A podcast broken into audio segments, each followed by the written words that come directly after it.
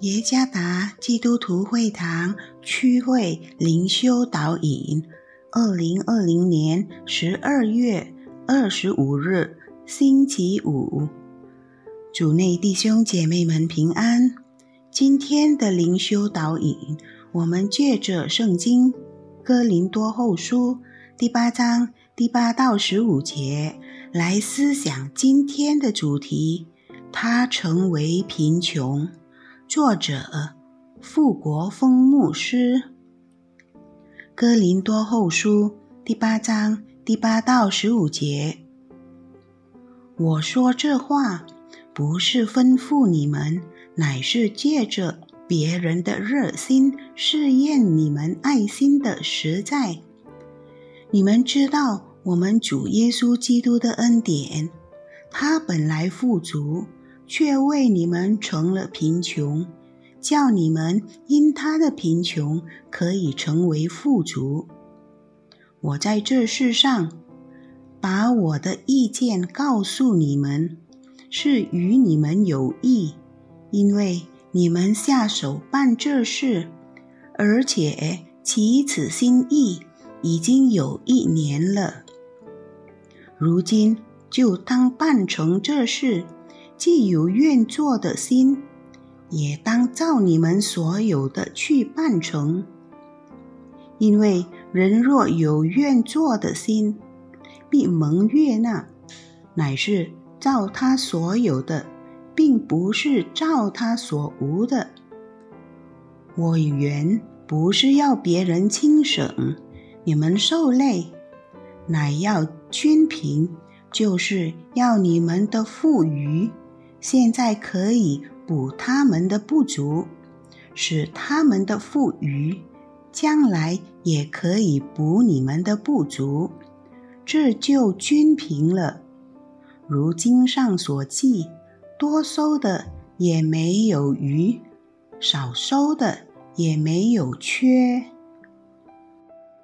二零零二年，英国一个名叫迈克尔·卡罗尔。Michael Carroll 的体力劳动者中了一千五百五十万美元，等于两千两百三十亿印尼盾的彩票。他的生活方式立即彻底改变。Carroll 开始花天酒地，且成为可卡因的上瘾者。所有的钱在八年之内都花完了。一点财富都没有剩下。在两千一零年，Carol 破产，变得贫穷了，又回到当垃圾工人的工作。使徒保罗在哥林多后书第八章第九节中说：“他本来富足，却为你们成了贫穷，叫你们因他的贫穷。”可以成为富足。在这节经文中，耶稣变得贫穷，不是因为如 Michael Carroll 这样愚蠢的生活方式。这里说的贫穷，意味着耶稣放下他在天堂的荣耀，来向人揭示上帝对人类的怜悯。耶稣基督的道成肉身是怜悯的最大例证。他愿意放下天堂的荣华，降生在马槽，经受苦难，并死在十字架上。耶稣所做的这一切，为得将救赎恩典赐给罪人。对耶稣基督谦卑恩典的感恩。必须成为基督徒施舍的最高动机。第七到第八节，保罗举了耶稣基督舍身的榜样，以进一步激励读者们施给那些有需要帮助的同道。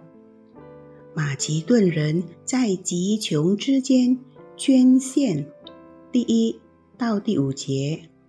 但是，基督在富足之时施舍。